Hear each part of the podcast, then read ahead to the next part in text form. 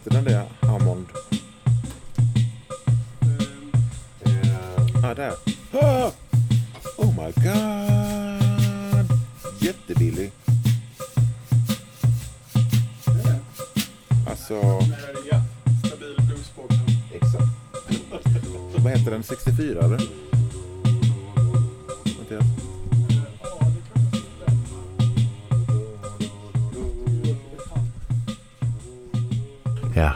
Jag du hade något så fint intro sist. Vad du sa. Jag minns ingenting. Men man kan väl säga välkommen till eh, andra avsnittet av Malmö Radio Inre. Ja, just det.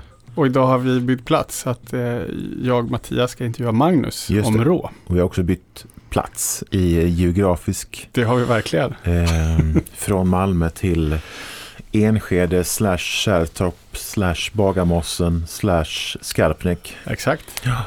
Eh, i ett väldigt obestämt villaområde. Ja. Gulligt ställe. Ja, och det är lite konstigt att vi är här. Men du bor ju här. Ja, men det brukar alltid vara i Malmö man gör saker mer. Jo, men vi, jag tänkte att vi kunde... Jag ville gå, visa god, god vilja. Ja, verkligen. Så tog mig upp hit till, till stan. Och vi ska ju prata om rå. Ja, och du har gjort en, en eh, hel skiva. Eller ni. För det första, är det du eller är det ni? Mm, jag har ju komponerat all musik själv. Och sen har jag musiker som kommer in och bidrar på sitt eget helt unika vis. Um, till exempel så eh, Skånes järnvägar. Skivan var i princip helt färdiginspelad Eh, när Bebbe Risenfors kom in och la sin basklarinett på åtminstone hälften av låtarna som till slut blev liksom soloinstrumentet på hela skivan.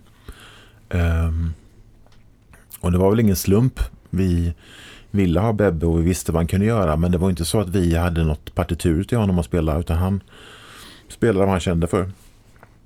Uh, och så plockade vi det bästa och sen gav det sån otrolig prägel till hela skivan.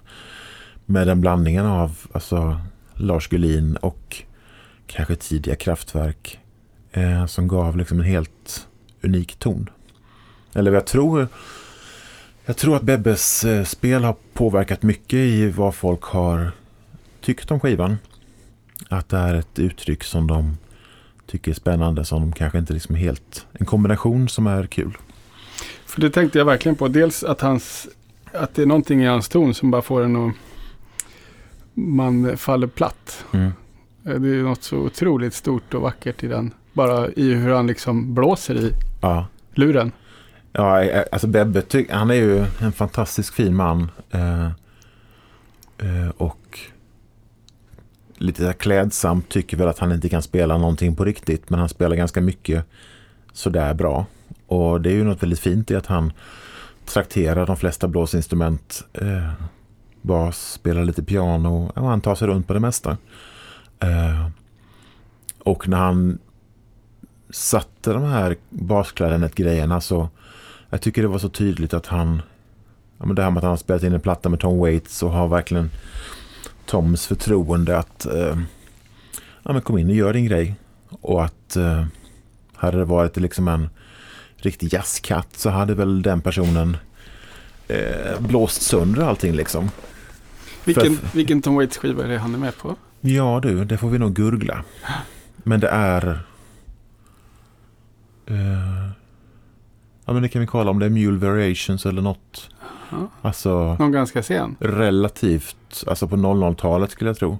För han hade också någon svensk trummis väl? Eller en svensk-amerikansk. Vad han nu heter. Ingen aning.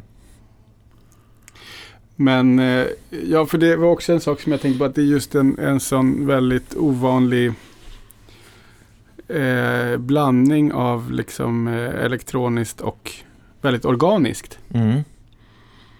Um, ja, tack. Det var ju liksom våran förhoppning att det skulle kännas som en kul blandning. Att um, kanske så, vad ska jag säga om detta? När jag började göra demos för Rå så var de ganska mycket mer atmosfäriska. Eh, jag hade inte adderat uh, rytmer och trummor på samma sätt utan det som höll takten var ett, uh, ofta ett arpeggio. Eller kanske att jag spelade en synt genom en tremolopedal. Uh, och min flickvän hatade det. För hon klarar inte av ambient. Hon tycker att det är högst provocerande.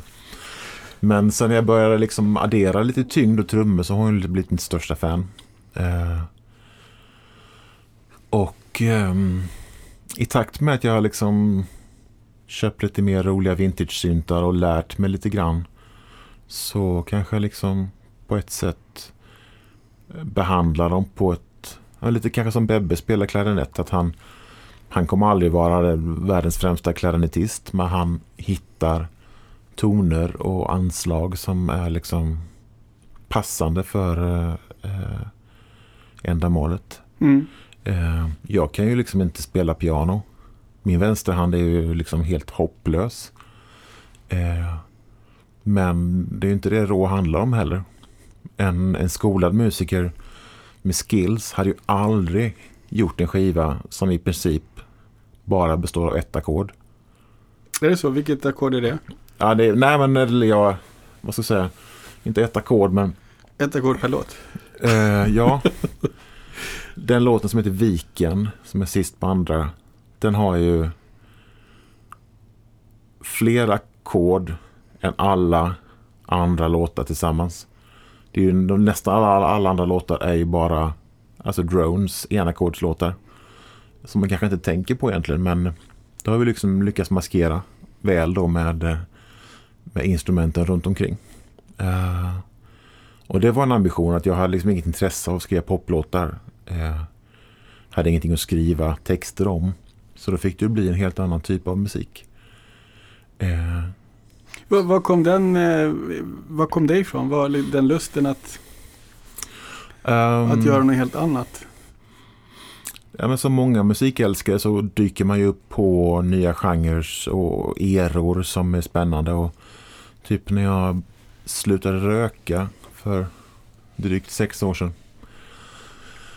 så hade jag börjat nosa på tysk kraut men inte den stökiga utan den som är liksom väldigt vilsam. Jag behövde väl det för att gå ut och promenera och eh, bli av med abstinens. Så då lyssnade på lite Tangerine Dream och upptäckte eh, Harmonia, eh, Cluster, eh, Eno-skivorna såklart.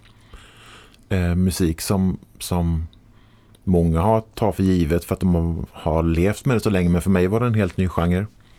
Som jag liksom kände till men inte hade lyssnat på.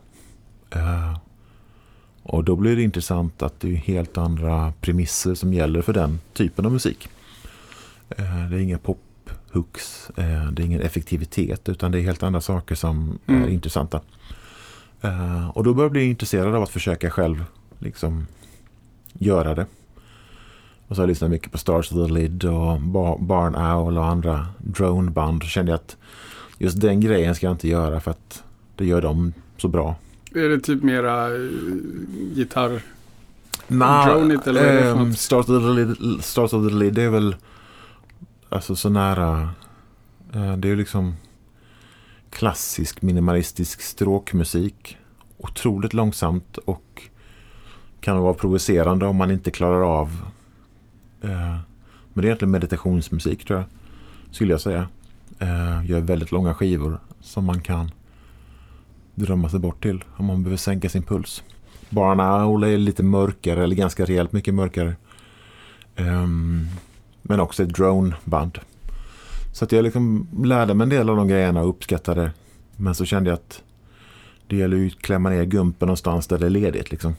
Och då blev väl den grejen liksom att att eh,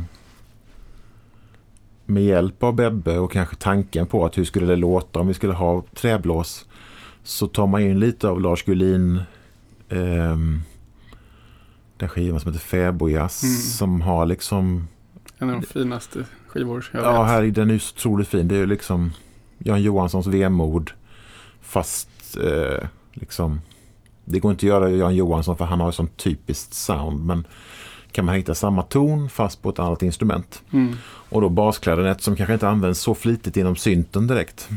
Det blir också väldigt roligt. Eh, en helt ny klangbild.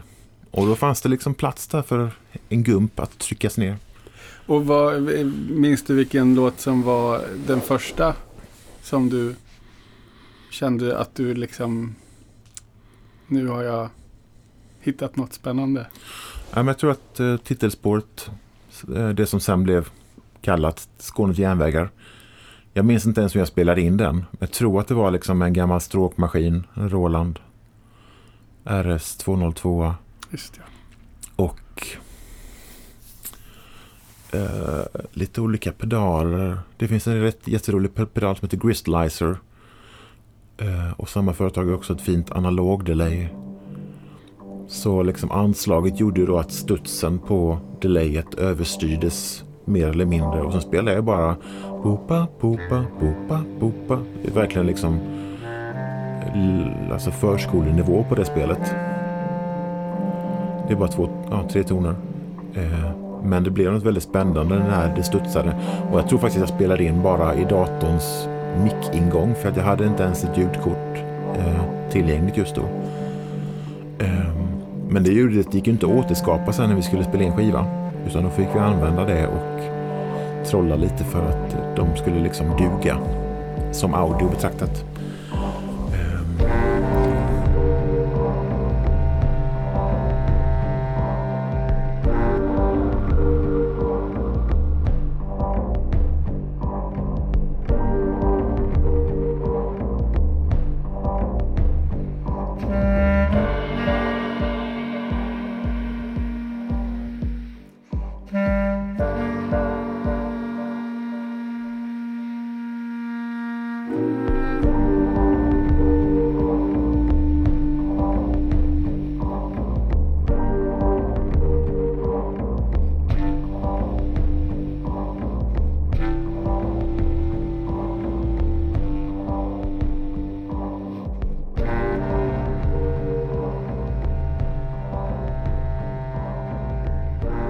Och sen liksom tuggar ni om det hela?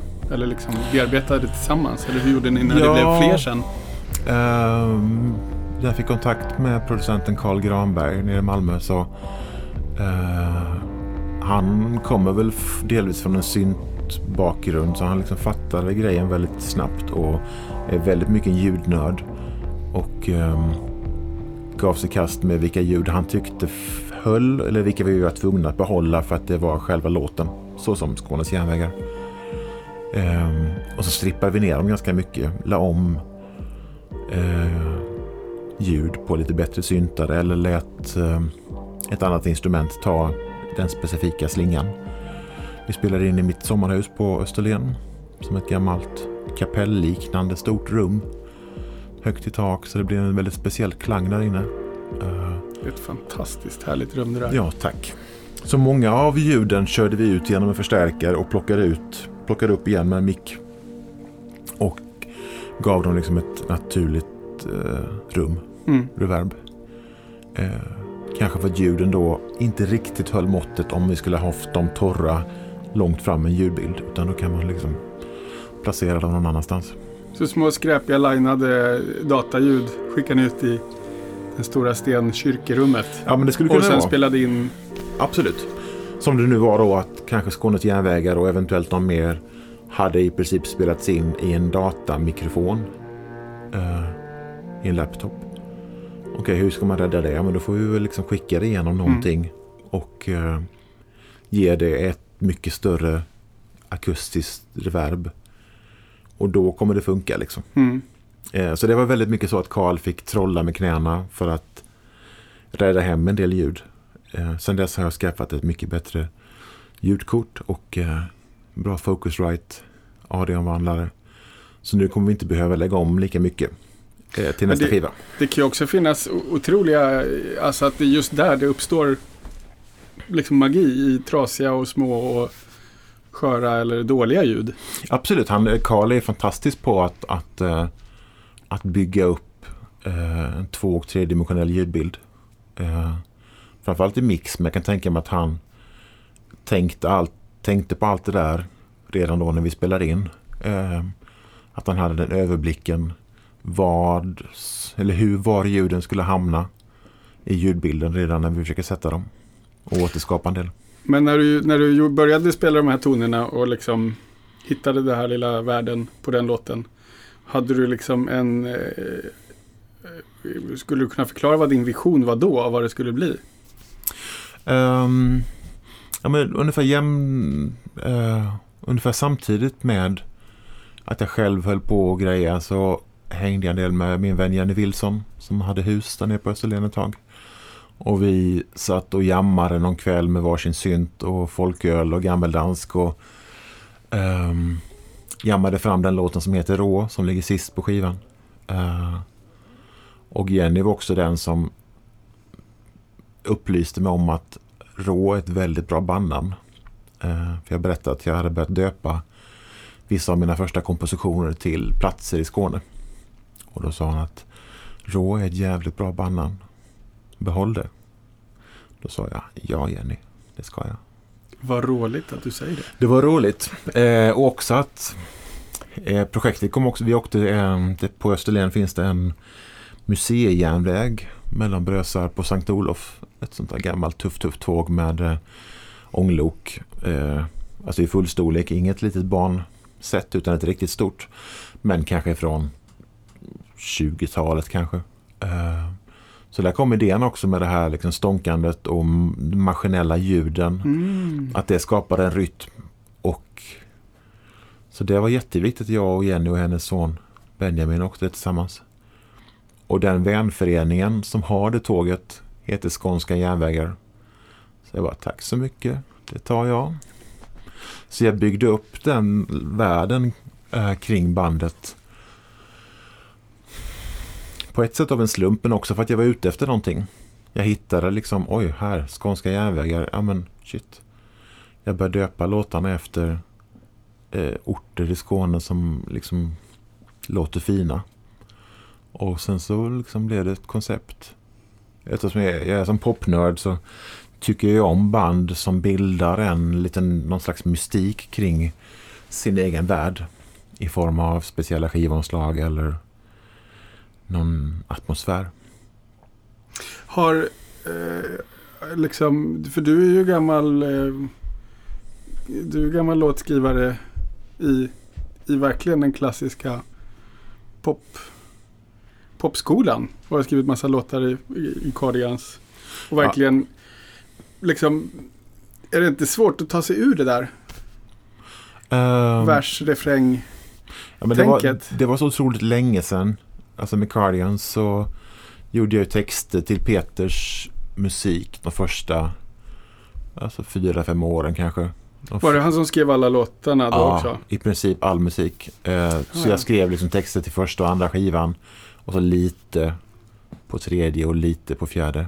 Eh, men såklart, då är liksom, det är ett helt annat pusslande. Mm. Eh, och så gjorde jag en soloskiva 2002. Just det. Och efter det så liksom...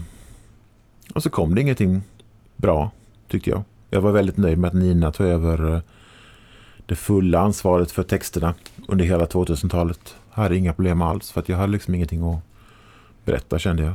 Och då var det också väldigt tydligt att när jag nu kom på den här nya världen att, att jag själv inte skulle stå för någon text eller absolut inte någon egen sång. Eh, jag hade kunnat tänka mig att vi hade kunnat göra versions där Jenny Wilson till exempel skulle sjunga. Eh, eftersom jag är stor reggae och dub-fantast så gillar jag den idén med att man kan göra versioner av låtar eh, med samma bakgrund och liksom hitta på vokala versioner och dubbversioner och så vidare.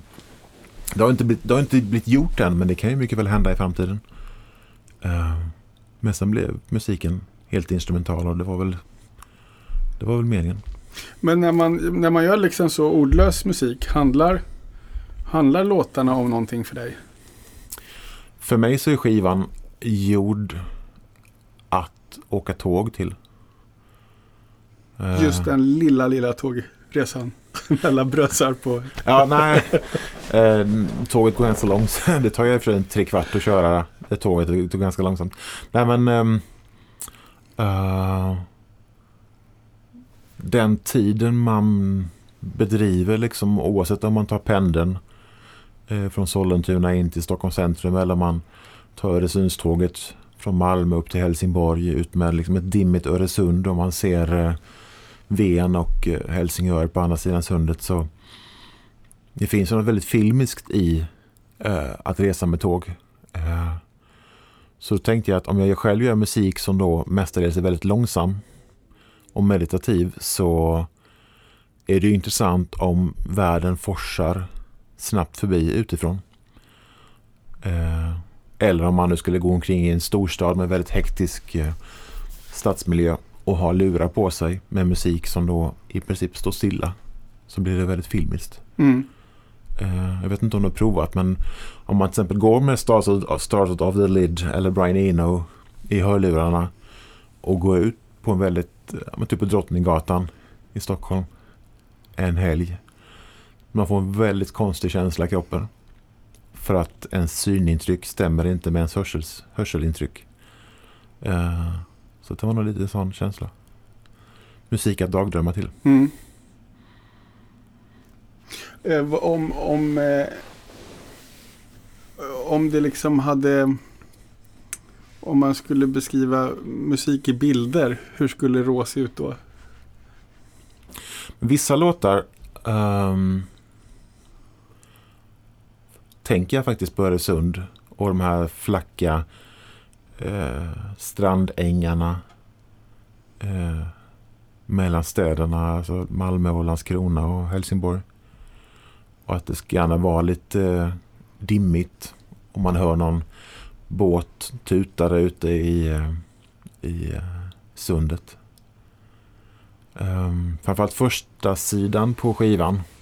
Uh, Skånes järnvägar och drömsekvens, Ven och Viken tycker jag liksom hänger ihop som nästan ett verk på något sätt. Liksom. Det var väldigt självklart att de fyra skulle hamna tillsammans när vi satte låtordningen. Eh, så det är väl egentligen de fyra plus kanske första låten på B-sidan som heter Närö. Det är väl där som jag tänker att det verkligen är meditations eller tågmusik. Sen kommer det några poplåtar på B-sidan som kanske inte har så mycket med det att göra. Eh, men så fick det bli liksom. Men det, jag tycker det, att det är väldigt, där man, jag har ju spelat med både, väldigt mycket med både Bengt och Lasse. Och lite med dig, men det känns som att, det, att ni har, har, eh, ni har någonting gemensamt som är någon sån här liten jävla fingerspitzgefühl i att så här, med små medel pricka väldigt rätt. I ljud och toner och som är liksom, även om man, även i en sån här drömsk musik så är det också väldigt så här, ja men det finns nästan något sorts litet hit, hit-element i det. Man kan nästan höra på ja. ett väldigt långsamt sätt så finns det någon liten Cardigans-vibb i det. Även i... Ja men det är väl klart att vi har väl gått i någon slags skola. Um, men jag tror att jag kan tänka mig att Lasse känner samma sak för han har ändå då stått för produktionen av ganska mycket av eh, Brothers of End-skivorna. Eh, att efter alla år så är det kanske först nu som vi känner oss som musiker. För att vi äger produktionsmedlen och i viss mån också då behärskar all teknik. Ehm, jag litar mycket, mycket mer på min intuition. Musikaliska intuition nu. Ehm, kanske också för att det är jag som är chef över Rå. Jag behöver liksom inte gaffla med Nina och Peter huruvida mina idéer är bra eller inte. Och eh, Cardigans var ibland lite sådär flawed democracy. Som Trumps USA. Att, att alla har inte... Var det så illa? Nej, men ibland så kunde jag känna att fan, alla har inte lika många röster här. Och att ibland också yppades att så är vårt system och så är det med det liksom. Uh, men om man som vi har liksom spelat musik väldigt länge och varit framgångsrika och arbetat med mycket duktiga bandmedlemmar så har man såklart fått höra mycket musik och ribban ligger väldigt högt. Eh, samtidigt som det svåraste egentligen, om man kan för mycket så är det också väldigt svårt att lura sig själv och bli överraskad. Och det är nästan det som jag är ute efter att hitta en ton som bara, oj, var kom den ifrån? Och det är ganska, då har jag liksom använt eh, effektpedaler, till exempel arpeggio, tremolo och eh, andra roliga delay för att skapa en ton som jag inte kunde räkna ut. Mm. Och då är det också väldigt bra att jag inte är syntkunnig egentligen. För en syntkunnig person hade ju liksom kunnat räkna ut att okej okay, nu tar jag den synten och det kommer låta så här ungefär. Och då skriver man inga låtar. Utan oj, shit, var kom det här ifrån? Mm. Det här var spännande. Ehm, så det är nog mitt svar på Mm. den frågan att eh, Men är det, är det aldrig som att du liksom får lägga band på det och, och hör små hokiga slingor eller grejer som du här, nej, nej, det här blir för direkt. Någon sorts inre kamp mellan pop och dröm. Ja, men eftersom jag själv inte kan spela piano så kan jag aldrig liksom hitta på någon massa med fräcka licks. för att min, alltså min finmotorik är för dålig. Väldigt Eh, bra egenskap skulle jag säga. Att ha klumpiga fingrar. Jag menar att inte vara för eh, tekniskt kompetent. Nej, men duktig musik har ju aldrig varit kul. Typ. Eh, eller det är ju, ja, något enstaka. Så jag tror att den här, um, om man har en dogma, eller som i mitt fall då ett, ett handikapp att min vänsterhand inte gör eh, vad den, eh, ja vad jag hade önskat. Så blir det ju liksom, då blir det musik efter de premisserna. Mm. Och det är ju massor av våra favoritband som har blivit legendariska av just den anledningen. Men Velvet hade ju aldrig låtit som de gör om det inte vore för att Mo Tucker spelade trummor stående. Och hon hade bastrumman på en klubba på, med höger hand och virven på vänster. Det gav ju liksom ett, en, eh, en förutsättning till varför bananskivan låter som den gör. Det är ju, det, så är det ju bara. Mm. Och att eh, deras eh, tredje skiva eh, med Candy Says. Det är den blåa. Ja, Eller- den de sitter i en soffgrupp. Med, med alla de här långsamma fina. Ja. Eller? Det sägs ju att deras pedaler och allt sånt där försvann på vägen till LA när de skulle spela in den. Och det är därför skivan låter som den gör och inte som Sister Ray på förra skivan.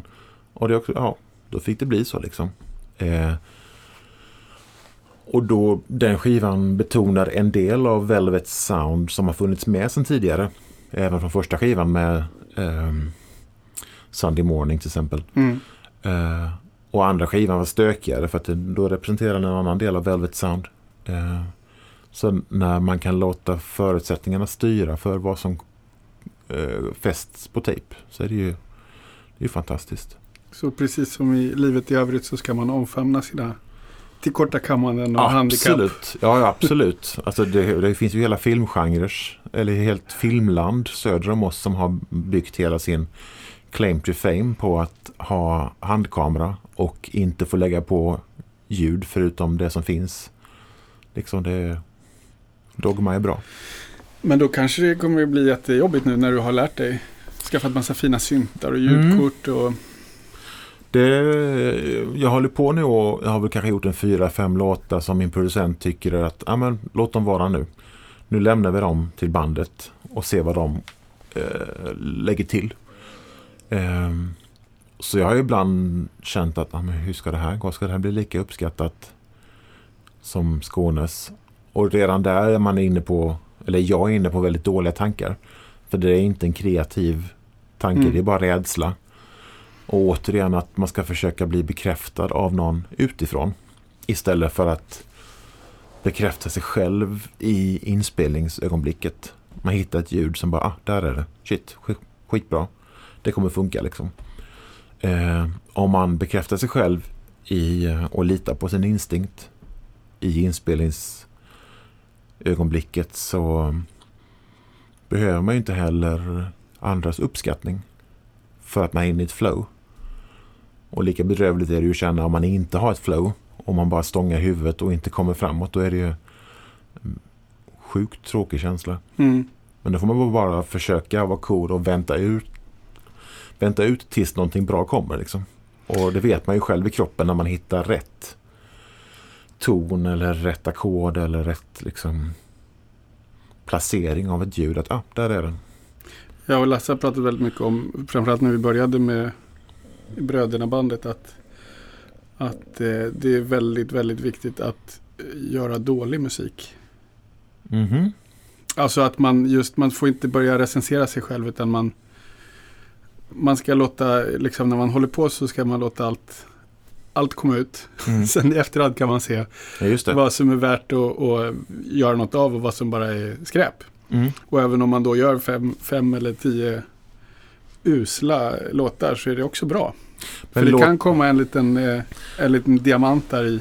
låter, i ni, skiten. låter ni sångerna bli klara då fast ni känner att ni inte att den inte liksom kommer att hålla? Nej, då gör jag inte så långt. Men när man sitter själv och hittar på att just, eller jag vet inte hur det är med dig, men att om man är en eh, självkritisk osäker person så är det väldigt lätt att bara att knivhugga sin egen kreativitet genom att eh, själv recensera, precis som du var Mm. inne på. Mm. Och att det där måste man, en av de viktigaste sakerna när man ska hitta på något är att ta bort det elementet. Just det. Jag brukar eh, köra på Mark Twains eh, eh, ledord. Att eh, skriv full och redigera nykter. Inte så att jag är full i studion men eh, jag låter instinkten, jag följer instinkten. Eh, och kanske håller på en två, två timmar med en ny låtidé. Eh, och bygger på med olika syntar och en trummaskin och, och kanske en basfigur ganska snabbt och sen så gör jag bara en snabb bounce på den mixen och eh, lyssnar på den. Sover på saken. Kanske sover en till natt på saken. Och sen när jag kommer tillbaka till studion så kan jag då snabbt avgöra vad jag tycker håller. Och då kan jag vara väldigt hård och ett snabbt beslut och typ radera ganska många element och behålla det som jag tycker kanske var kärnan eller var det ett pålägg som kom efteråt som var bättre än originalidén och då fortsätter jag på den tråden istället. Så ganska osentimentalt, Mm. bara gå vidare. Och så kanske jag lägger två timmar till och spelar in en ny riktning som jag då på samma sätt eh, värderar över en eller två nätter och kommer tillbaka och fortsätter eller suddar ut och eh, tar vidare. Så det är flera låtar på den kommande skivan som har bytt eh, kostym några gånger liksom från kanske någon som kändes som en liten afro yster låt till att påminna lite om Pictures of You of Cure till Yola Tango och liksom det vet ju bara jag men att um, jag håller på tills magkänslan säger att ja, nu är det bra. Det här är rätt väg att gå. Och sen får jag lämna det till musikerna och se vad de tar det. Eh, och i bästa fall så kommer min mage säga att ja tack. När Bebbe kommer. Om, eh, om man jämför med liksom dina original-demo, eh, inspelningar, vilken, vilken låt på Skånes järnvägar är mest olik vad du själv hade tänkt dig från början?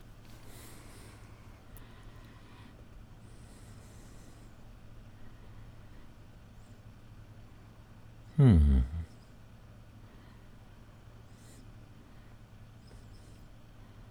Det vet jag faktiskt inte.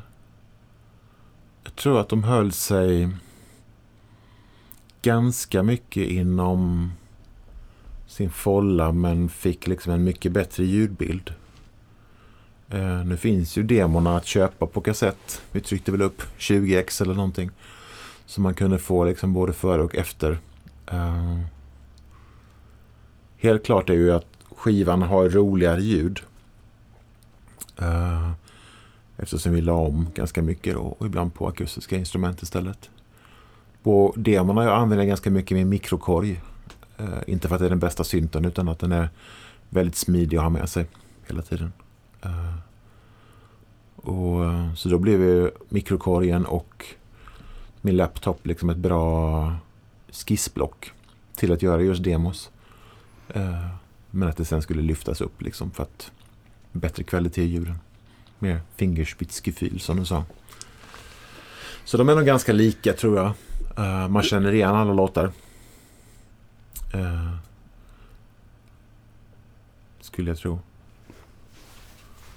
Men flera av dem gick ju från att vara ganska droniga atmosfäriska till att bli lite disco som den här låten som heter Bjuven tillväxtkommun. Ironiskt nog eftersom Bjuv är en jävla håla. Eh, den var en av de första som jag la på trummor på. Och så blir det plötsligt kanske en låt som kunde legat på Drive soundtracket. Med han den snygge Ryan Gosling.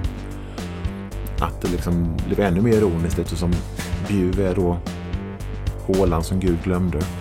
Så försökte vi få den lite sådär neon-flashig och lite sådär... Eh, jag kör min Camaro genom downtown LA. Eh,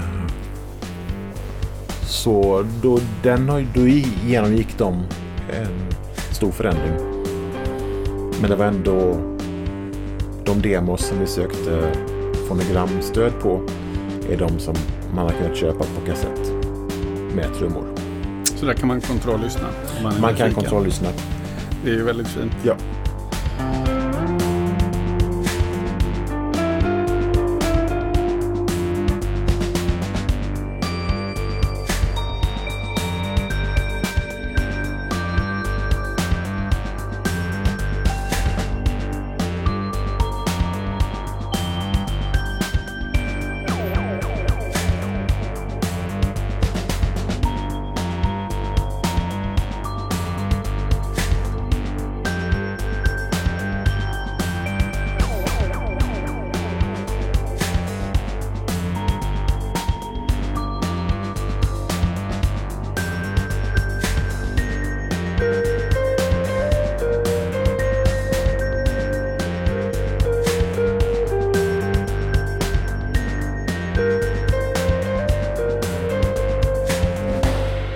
Varifrån kom, kom den här eh, till minne av William Onjabor?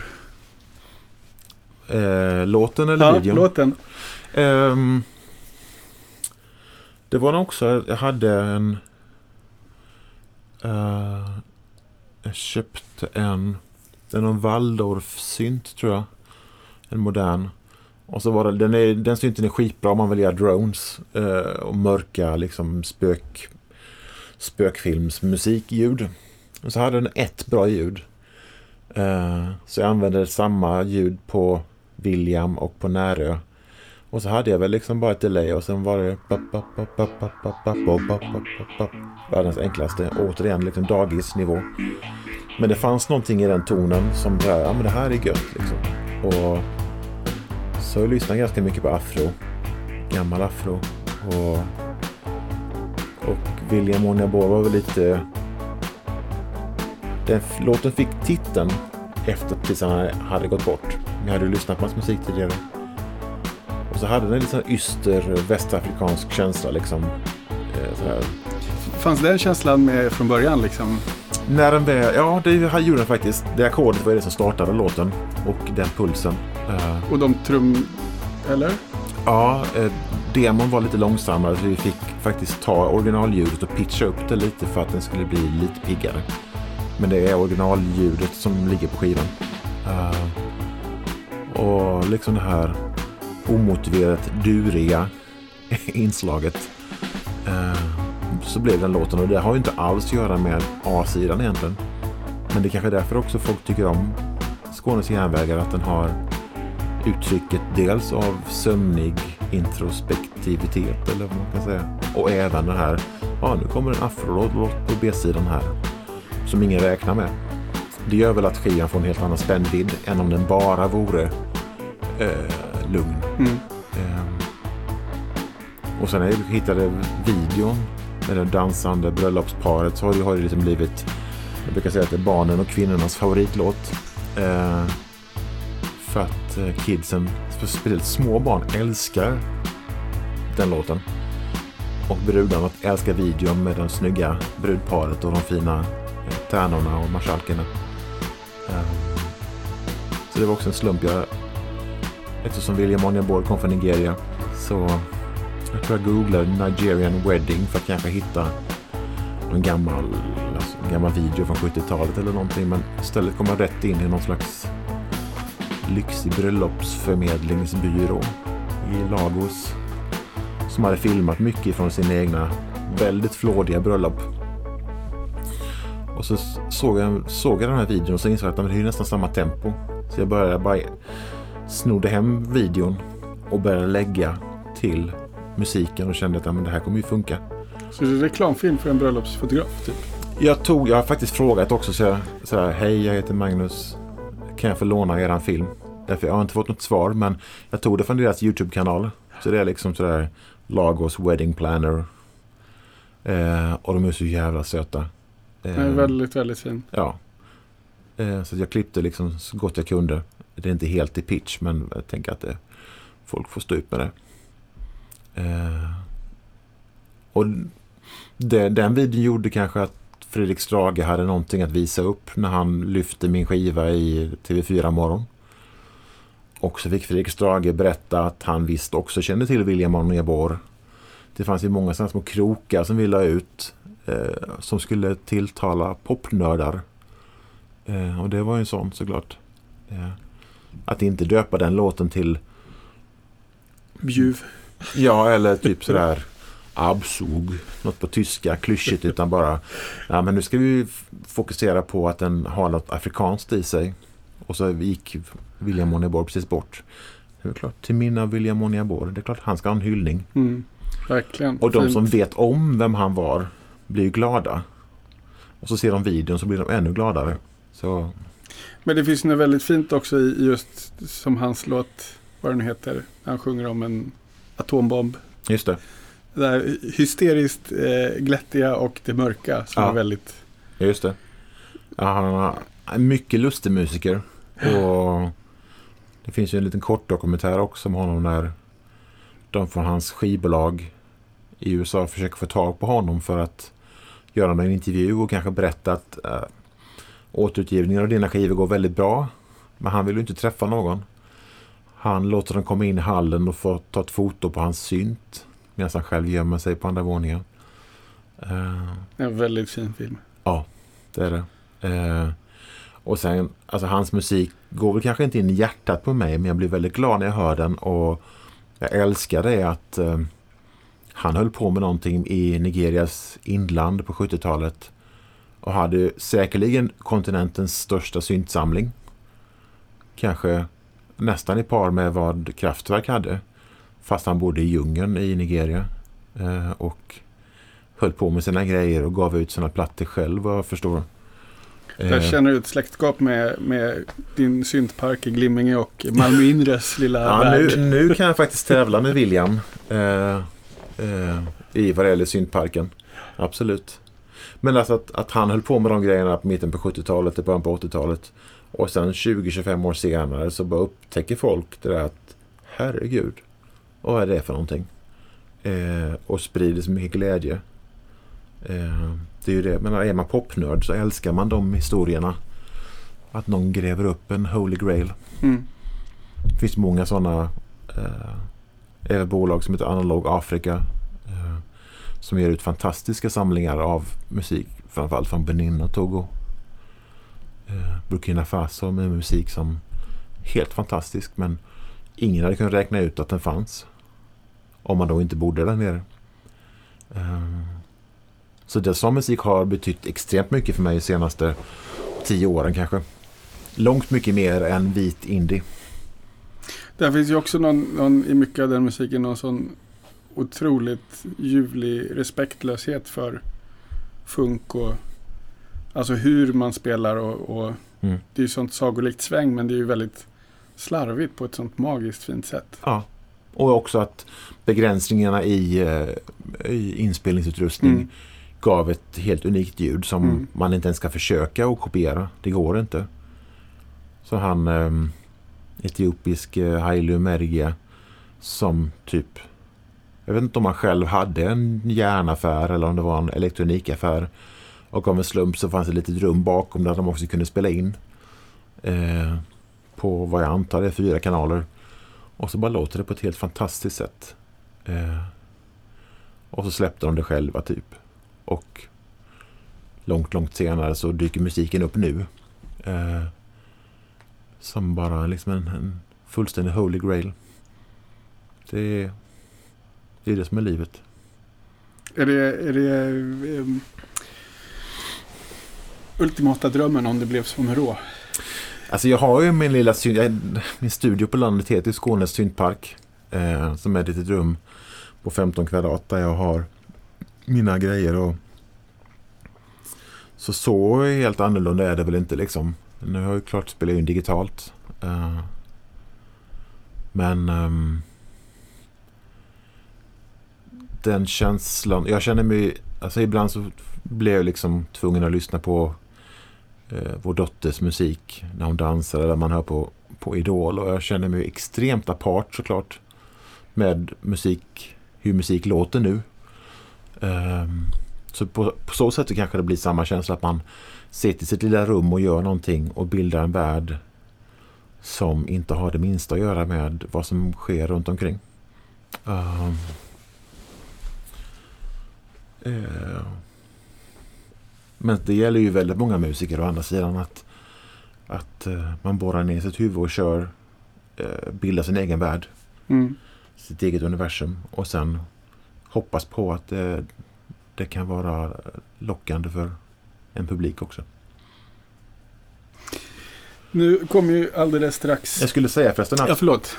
på nästa skiva, Rå 2 eller Rå Again. Alltså nästa hela fullängdsskiva? Nästa fullängdsskiva så tror jag att vi kommer eh, accentuera lite mer afrogrejer. Jag tycker det blir lite intressant att eh, jag samlar på mig på gamla trummaskiner och försöker liksom kombinera rytmer så att jag kan få fram ett bra sex fjärdedels eh, Mm -hmm. Var det det du försökte knappa fram här Ja, men exakt. Gamla... Jag hade en gammal trummaskin där. Och för just i afrikansk musik så är det ju nästan det är vanligare med sextakt än med fyrtakt. Men att det känns aldrig liksom att de har tryckt in låten i en konstig taktart utan det är bara att as a matter of fact så i, Afrika så gör vi oftast musik i, i sextakt. Eller i femtakt. Eller ja, niondels. exakt. Det kan vara vad fan som helst. Jag köpte någon samlingsplatta med musik från Mauritius. Där allt var sextakt. Ofta med en shuffle-känsla över. Eh, det var som att man fick inte göra musik på den ön om man inte gjorde liksom men det kändes helt naturligt. Så att åtminstone två, kanske tre av låtarna på kommande skivan kommer ju vara liksom vänlig, syntig kraut i sextakt. Jag tänkte att det är inte så många som har hållit på med det. Att försöka liksom få ihop den afrovärlden på ett liksom väldigt kruttorrt, eh, syntigt sätt. Liksom. Så det är lite Afrika, lite Tyskland och lite svensk vemod. Mm. Jag vet inte om basklarinetten kommer komma med nästa gång för nu har vi liksom använt den. Eh, kanske be Bebbe ta med något annat roligt instrument. Han har samlat på sig med uh, roliga tumpianer från Zimbabwe och andra blåsinstrument. Så han kanske, det kanske blir något helt, det kanske blir panflöjt. Spännande. Vem vet? Världens Ka värsta instrument kanske får sin renässans. Renässans.